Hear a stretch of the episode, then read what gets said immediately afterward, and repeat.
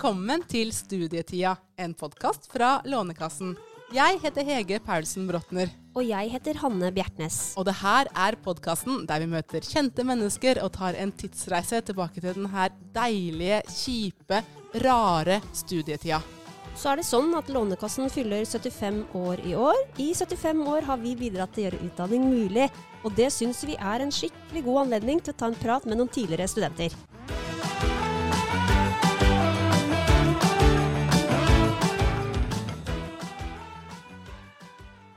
I dag har vi hatt en gjest på besøk som vi har gleda oss veldig til. Det har vi, for vi har hatt besøk av sjefen i oljefondet, Nikolai Tangen. Og han har vi invitert fordi at han er Altså, han har et så stort hjerte for studenter. Og jeg syns det var så utrolig fint å snakke med han om hans studietid. Ja, og vet du hva? Det som jeg syns var litt kult, det var at uh, han beskrev studietida som en stor buffé. Både faglig og sosialt, det man gjorde utenom. Mm. Og han virka liksom like interessert både liksom i det faglige, altså sånn finans, det er jo så spennende, men også liksom festene. da. Eh, og så gir han jo også veldig mange konkrete råd i denne episoden, både til de som er ferske studenter, og de som er på vei fra studiene og ut i arbeidslivet. Folkens, her er Nicolai Tangen.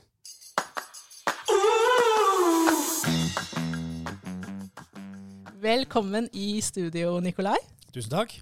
Du har tatt Forsvarets russiskurs, du har studert finans i Norge og i utlandet, og du har studert kunst og sosialpsykologi, for å nevne noe. En ganske solid eh, utdannings-CV, og jeg må spørre deg, hva har studiene og studietida betydd for deg? Det har jo betydd alt for meg. Jeg tenker jo at uh, livet handler om læring, og det er det, det er det, alt handler om, egentlig. Men uh, la, oss, la, oss, starte med, med, starten. Fordi du begynte med Forsvarets uh, russiskkurs. Og hvordan var det? Det var helt grusomt. det, var, det, er det verste jeg noensinne har vært med på. Altså, det var så tøft og så vanskelig. Um, og jeg hadde jo vært god på skolen i Kristiansand og sånn, og der kom jeg da på russiskkurset med veldig mange av de flinkeste i landet. Og fra å ha vært nummer én i klassen, så var jeg nest dårligst. Så jeg hang jo der liksom etter neglene og forsøkte å overleve. Og russisk er jo det kjipeste du kan holde på med, egentlig. Altså det vanskeligste. For det er jo så mye kasus og så mye eh, greier i det språket. Så Nei, det var, det var ikke greit. Men uh, så lærer man jo litt av det, da. Og um, hva lærer man av det, da? Jo, punkt nummer én så lærer man jo at det er jo egentlig ingen grenser for hva man kan lære hvis man bare kutter det opp i små biter og tar en bit av gangen. Og det er jo viktig å alltid huske på. Ikke sant? Så må ikke tenke på eksamen på slutten av året. Du må bare tenke på at hvis du deler det opp og gjør litt hver uke, så går det bra. Og så um, lærte jeg å ikke gi opp, for jeg holdt jo på å gi opp en haug med ganger. Uh, men uh, det gjorde jeg da ikke. Og så får man gode venner. Så mange av mine beste venner er derfra.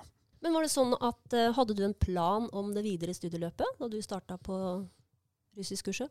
Ja, jeg var jo ganske interessert i å, å, jobbe med penger og finans og sånn, så jeg hadde jo planer om å begynne på økonomi etterpå. Så det, det lå i kortene der, ja. ja. Har du alltid visst liksom, hva du skulle bli? Ja. altså, skjønte Jeg visste jo ikke at jeg skulle jobbe i oljefondet, for det eksisterte jo ikke da jeg var liten. Uh, for det er jo bare 26 år gammel, og jeg er jo 57. Mm. Men, uh, så når jeg sier at det var barndomsdrømmen, så er det jo en sannhet uh, med modifikasjoner. da. Men, men, jeg visste jo at jeg var keen på å jobbe med finans, og visste at jeg var keen på å jobbe i utlandet. Men hvor kom den interessen for finans fra? Nei, Det var fordi jeg syntes det var gøy å tjene penger og sånn. ikke sant? Pantet tomflasker på startkamper og solgte blomster på byen og gikk med avisen og sånn. Så jeg syntes jo det var jo en liten kremmer, da. Ja. Så det var gøy. Og så etter russisken så gikk turen videre til Handelshøyskolen i Bergen. Ja. Hvordan var det å komme inn der som eh, fersk student? Nei, Det var helt supert. Så det var utrolig mye hyggelige folk. Kjempegøy. Ja. Og så regnet det jo hele tiden. ja, Var det bra? nei, du fikk jo god tid til å sitte og studere, da. Mm. Men eh, nei, det var en kjempefin opplevelse. Jeg må si det, altså. Der også er jo, har jo masse gode venner derfra. Så et flott sted. Mm. Men Var det stor overgang fra russiskkurset til NHH? Nei, ikke så veldig mye, egentlig. Det, jo, det handler jo om å sette seg ned og studere da, og brekke opp eh, materialet i småbiter. Så det var det jeg gjorde der også. Mm. Men hvordan var du som student, da? Nei, jeg har jo kanskje vært eh, ganske mm, strukturert, tror jeg. Og mm, det er jo kjempeinteressant, for når du ser nå Um, dette med skip og tak eller å være litt strukturert, så er det jo de som er strukturerte, som gjør det bedre. Og det er jo en av grunnene til at det er et kjempeforskjell mellom hvordan jenter gjør det og hvordan gutter gjør det på skolen. For gutter er senere modne. Og de er ikke så strukturerte. Og de har mindre impulskontroll, tror jeg. Ikke sant? Så det er mer gøy å gå på fest enn å gjøre lekser.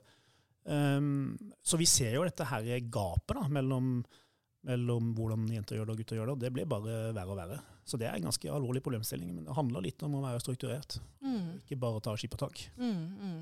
Men var det her noe du reflekterte over eh, under egen studietid? Nei, det tror jeg ikke jeg gjorde, egentlig. Da var det mer andre, sånn, andre ting på Da var det helt andre ting jeg tenkte på.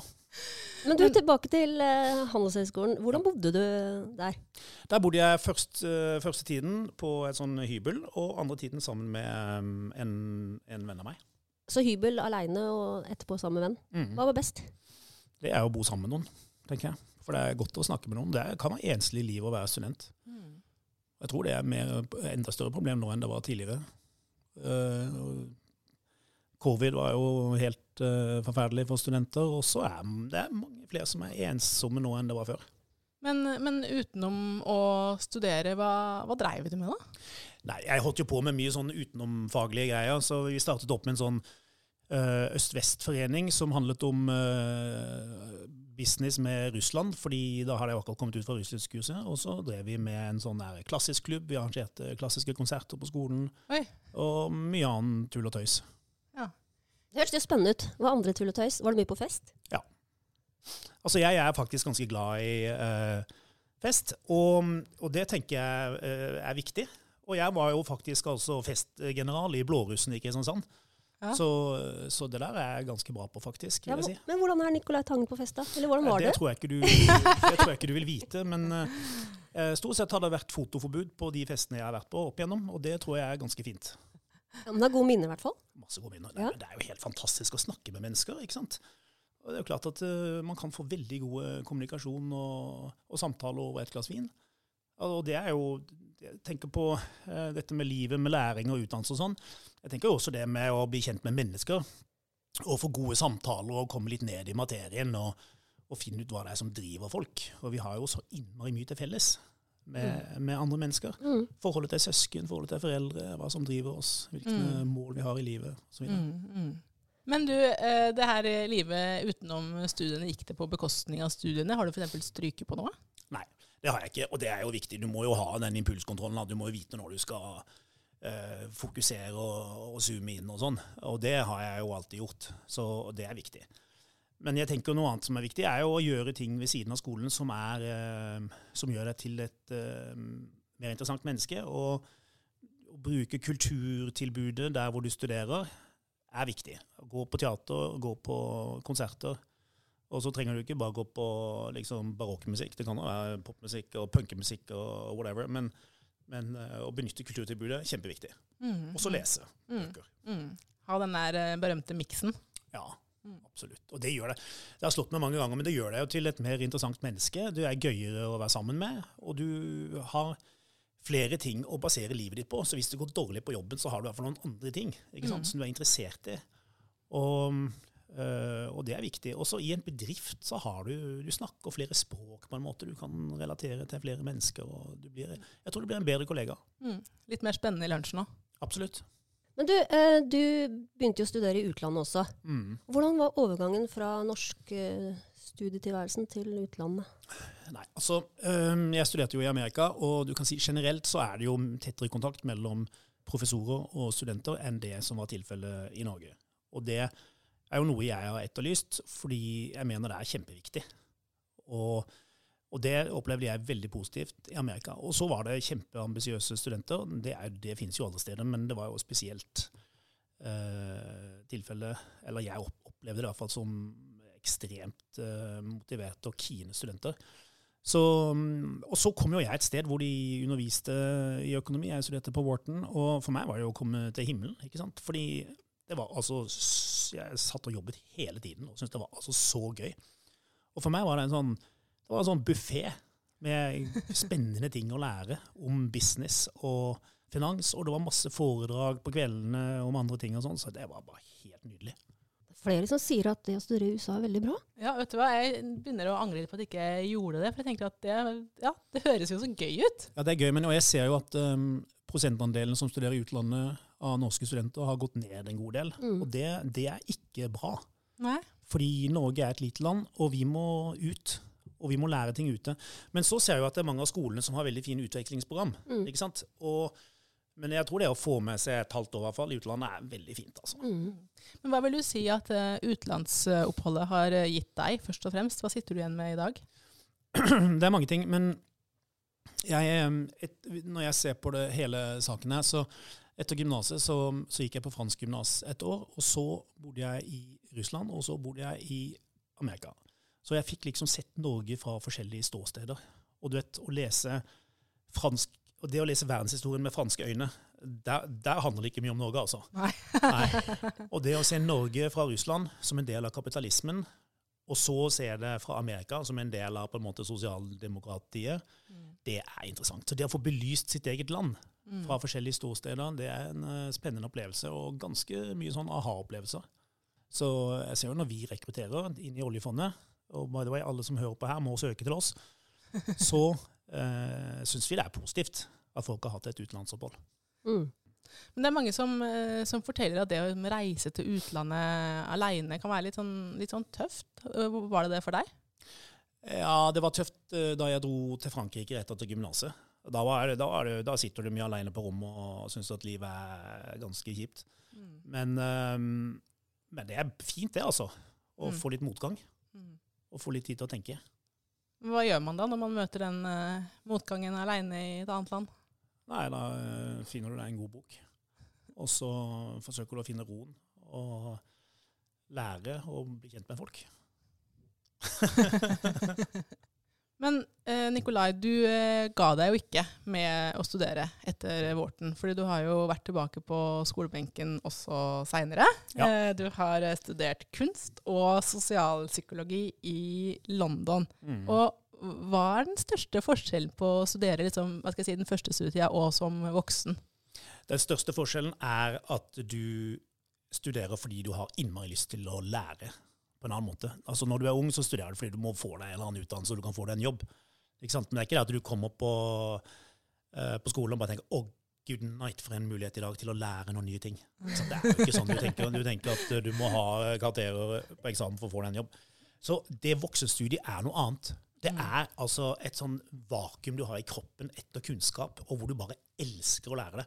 Og hvor du fokuserer mindre på karakterer. Det viktigste er at du får liksom, ting inn i pappen, og at du eh, øker kunnskapsnivået ditt. Det er ganske stor forskjell. Men Var du annerledes som student selv? Ja, jeg var Jeg hadde mer utbytte av de senere studiene, Ja. Mm. Um, og så er det jo noen studier da hvor du er flinkest som ung. Altså matematikk, fysikk, den type ting. Da sviver det kjappere opp i toppen når du er ung. Men så finnes det studier hvor, du, hvor jeg tenker at alder tilfører noe. Og det er f.eks. kunsthistorie, øh, psykologi, øh, ting som har med estetikk å gjøre. Eller at du har erfaring ved å ha opplevd mange situasjoner og truffet mye mennesker.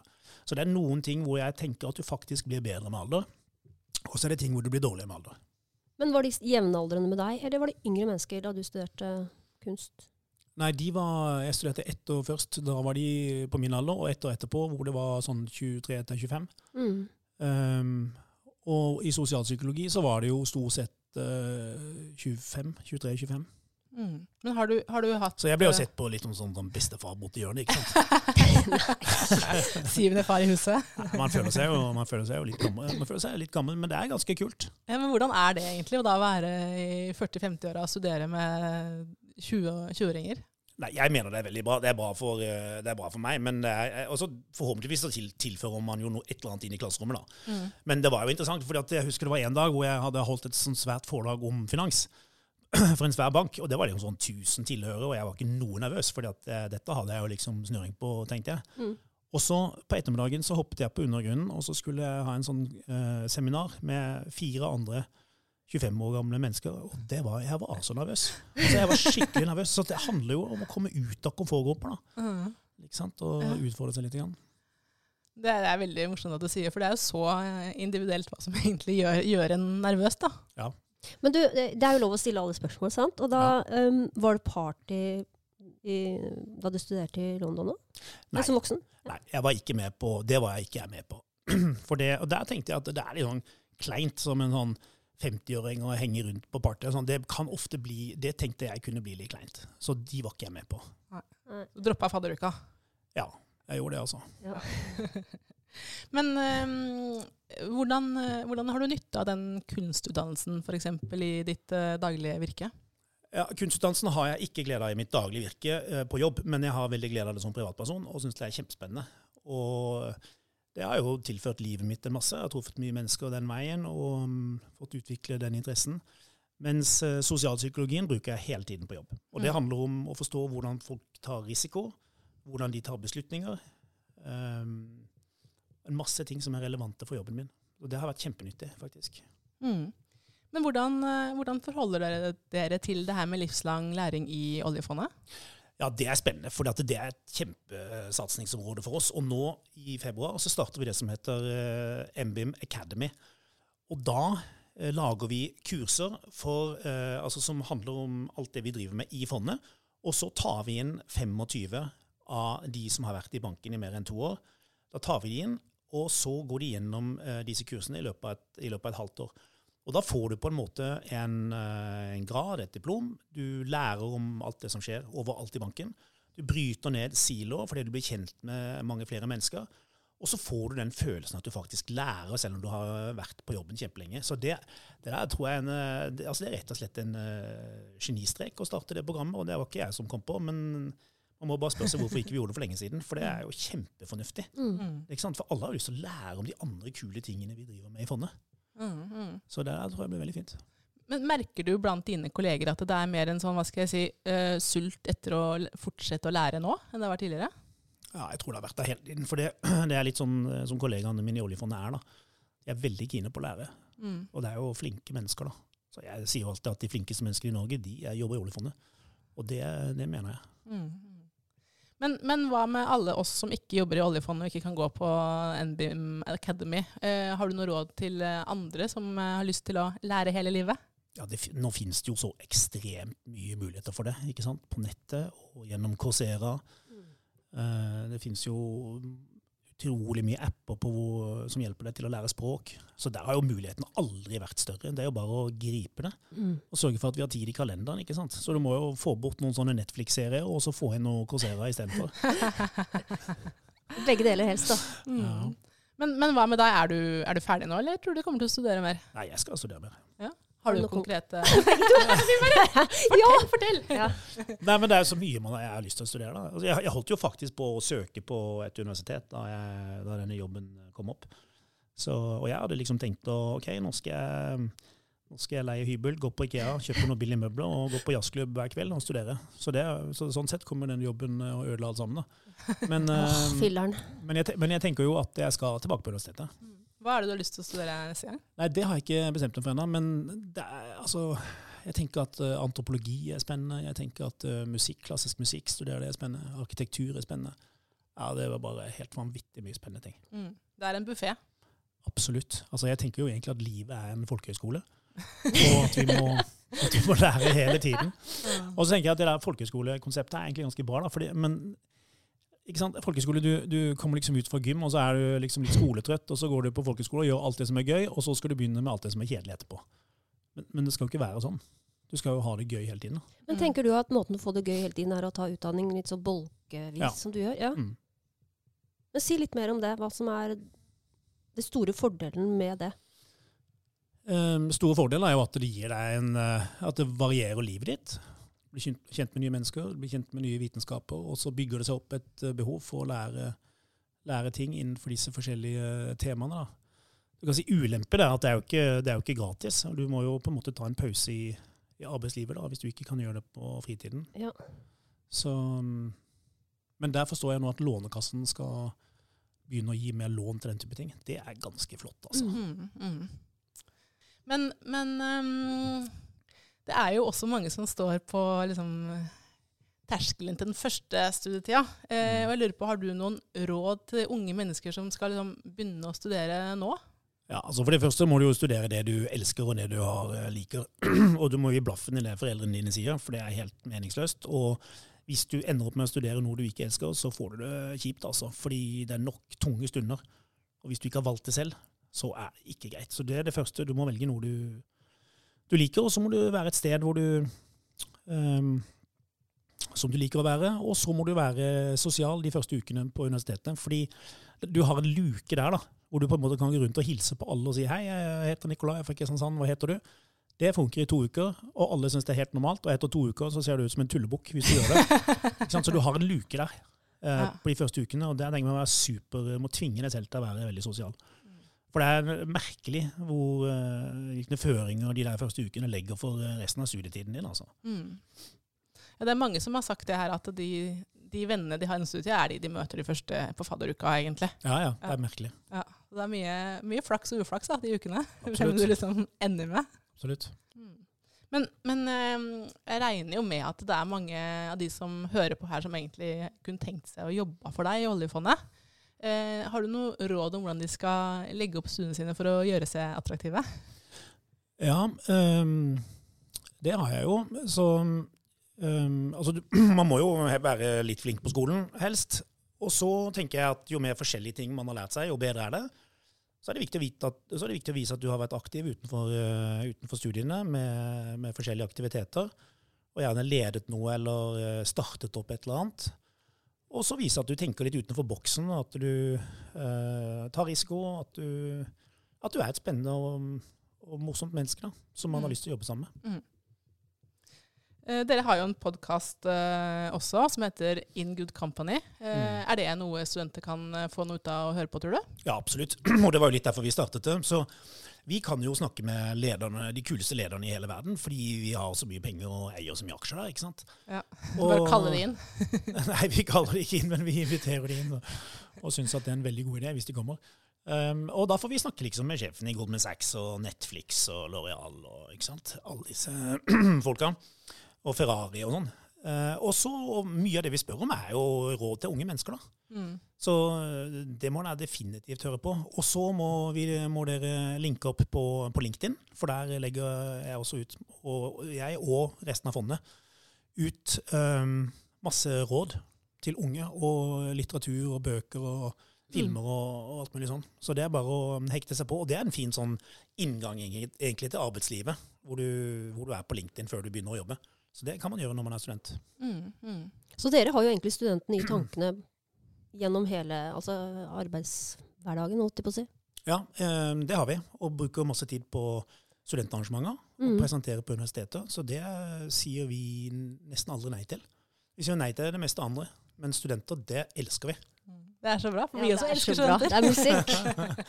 Men dere, har jo også, dere tar jo også imot eh, mange nyutdanna i det her graduate-programmet og det her eh, sommerinternship-programmet som, som dere har. Eh, og jeg lurer på, hvordan, Hva mener du at de nyutdanna tilfører dere?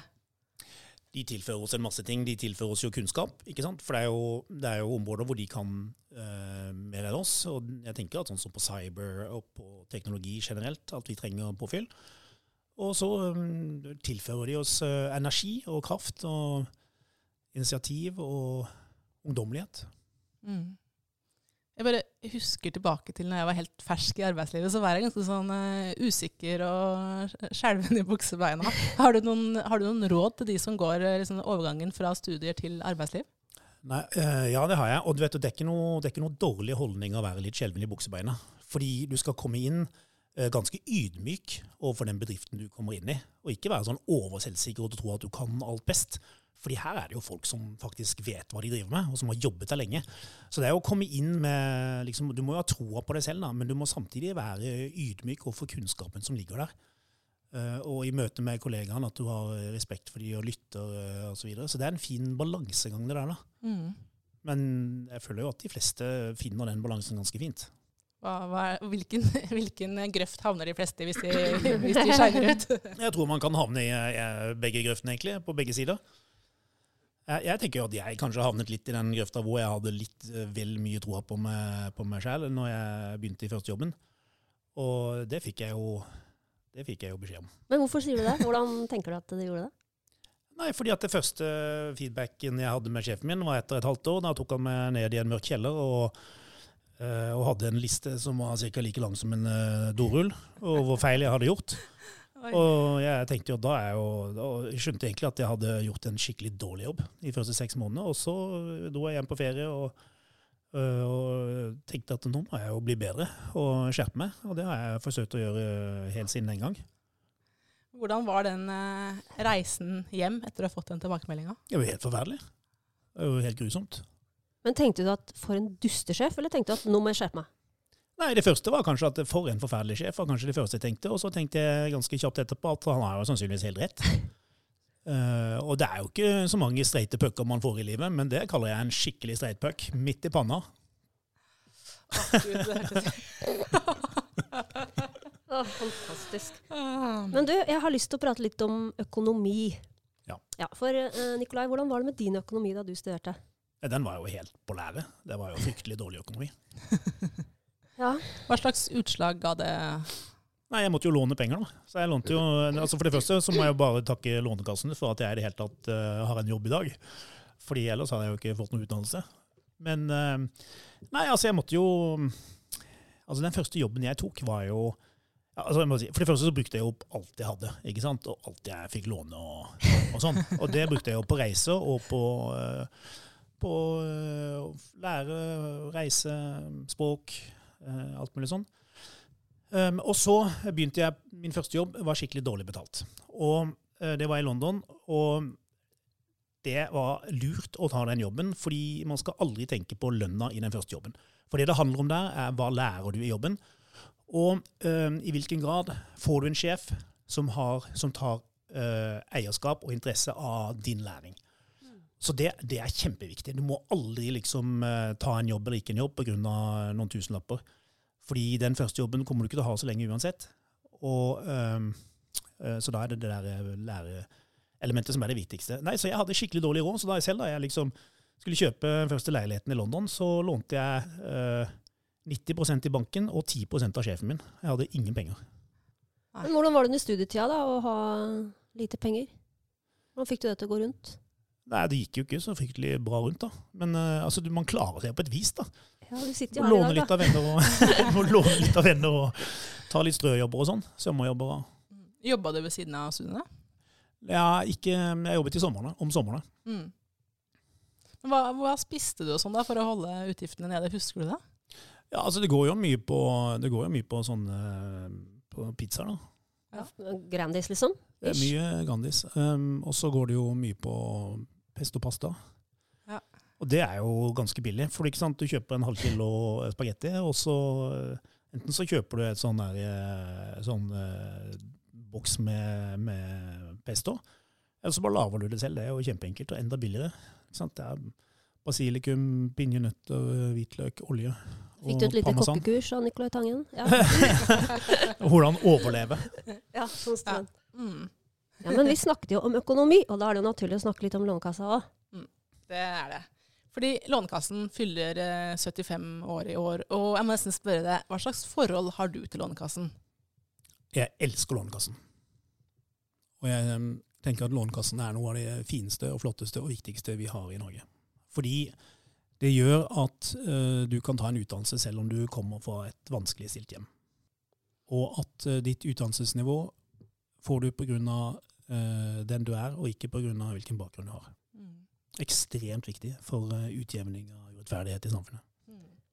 Ja, Du holdt jo en tale på Lånekassen sin jubileumssamling i sommer. Da du Mm. sa liksom eh, sammen med, altså Lånekassen og oljefondet er liksom Norges eh, viktigste oppfinnelser. Mm. Da ble vi glad. Da ble vi glad. Du skjønner, Jeg sier jo nei takk til de fleste sånne, for, til sånne taler og sånn, men Lånekassen, den hadde jeg så lyst til å holde. Fordi jeg er så takknemlig for det. Hvordan tror du livet ditt ville sett ut hvis det ikke var for eh, Lånekassen? Nei, det hadde ikke sett ut. ja, det hadde ikke det. Men tror du du hadde, hadde studert, eller hva, hva, er det mulig å forestille seg det, hvordan det hadde vært?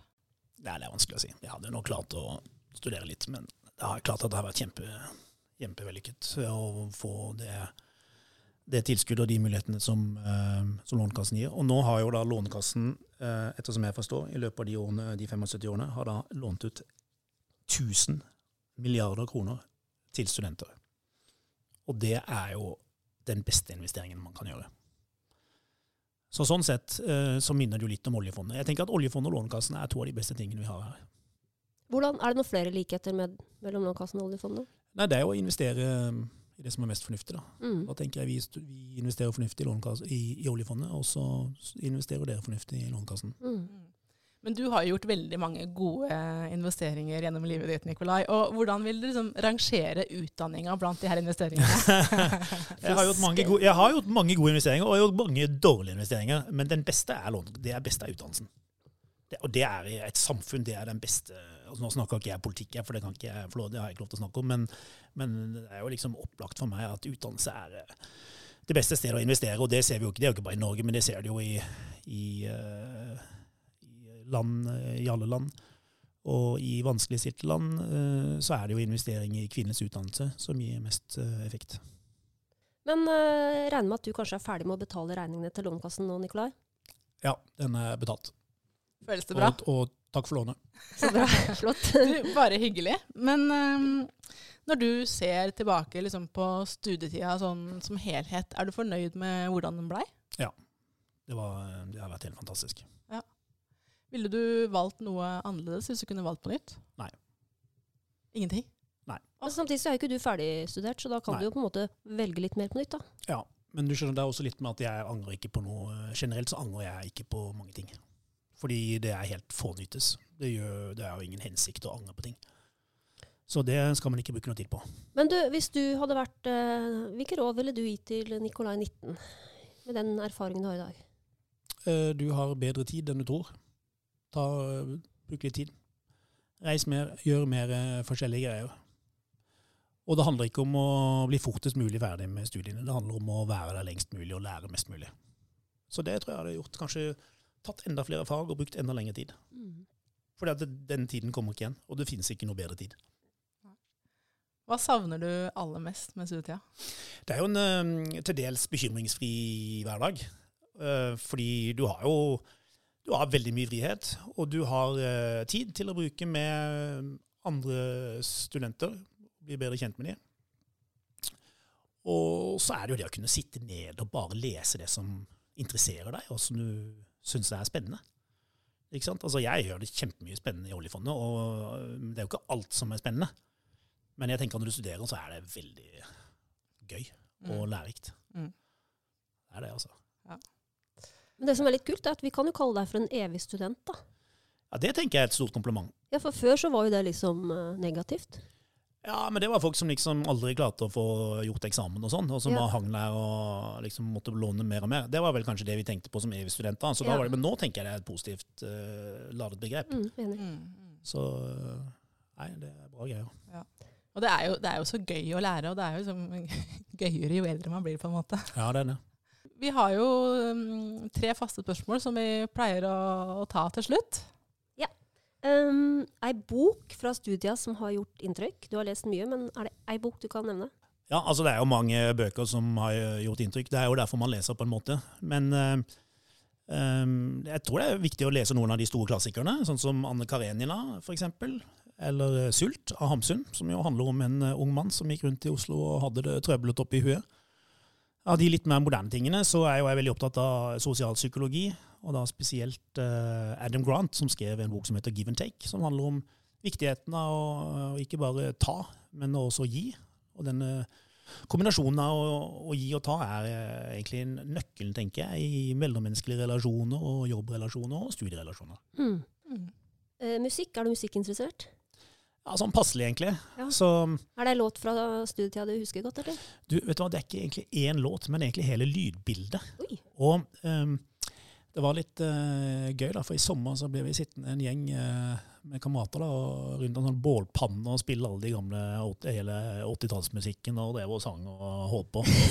og det er, altså, uh, musikken og det lydbildet man vokser opp med, er så viktig. Og det er liksom på en måte limet som binder oss sammen med, med medstudentene våre.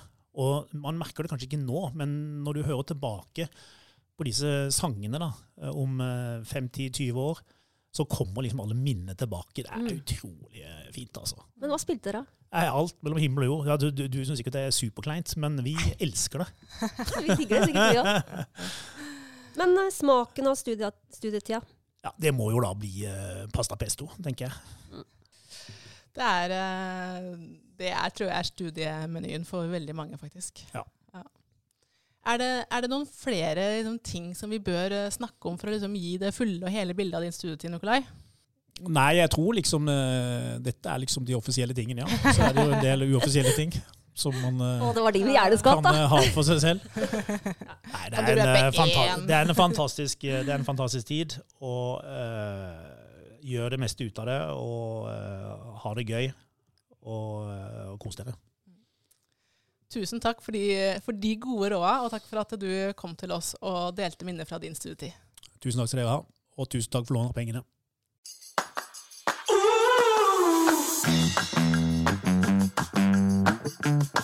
Det her var faktisk den siste episoden vår, Hanne. Hvordan syns du det har vært? Det har vært så gøy. For noen fine folk. Og eh, jeg tenker alle minnene de har delt med oss, vet du hva, det her har jeg lite lyst til å slutte med. Vet du hva, jeg er som vanlig helt enig, altså. Nå har vi jo spilt inn eh, elleve episoder, og hva husker du egentlig best fra de episodene? Jeg syns det har vært mange fine samtaler. Eh, og så er det noen øyeblikk som jeg vil huske for alltid. F.eks. da Eli Kari fikk meg til å begynne å grine. Mm. Og så får jo, Jeg har jo får jo lyst til å studere både det ene og det andre. da. Etter at Selda hadde vært der, så ville jeg bli fysiker. Og etter at Isabel hadde vært der, da ville jeg dra til USA og studere tech. Og så glemmer jeg aldri øyeblikket da vi fikk ja fra Trine Eilertsen. Da var du gira, Hege. Ja, vet du hva, da ble jeg faktisk skikkelig glad. Hun var jo en av de første gjestene vi booka også. Og jeg må si, det å liksom få invitere de folka man syns er mest interessante, og snakke om noe av det beste i livet, nemlig studietida, det har vært en utrolig kul arbeidsoppgave, altså. Skikkelig gøy. Altså, har det vært så fint at vi har fått så mange ulike historier om helt forskjellige studietider? Fått fin variasjon. Det har vært uh, mye latter og litt uh, alvor. Ja. Jeg anbefaler virkelig uh, alle å gå tilbake og høre på noen av de tidligere episodene. Så this is it, Hanne. ja, takk for at du hørte på, og takk for oss. Takk for oss.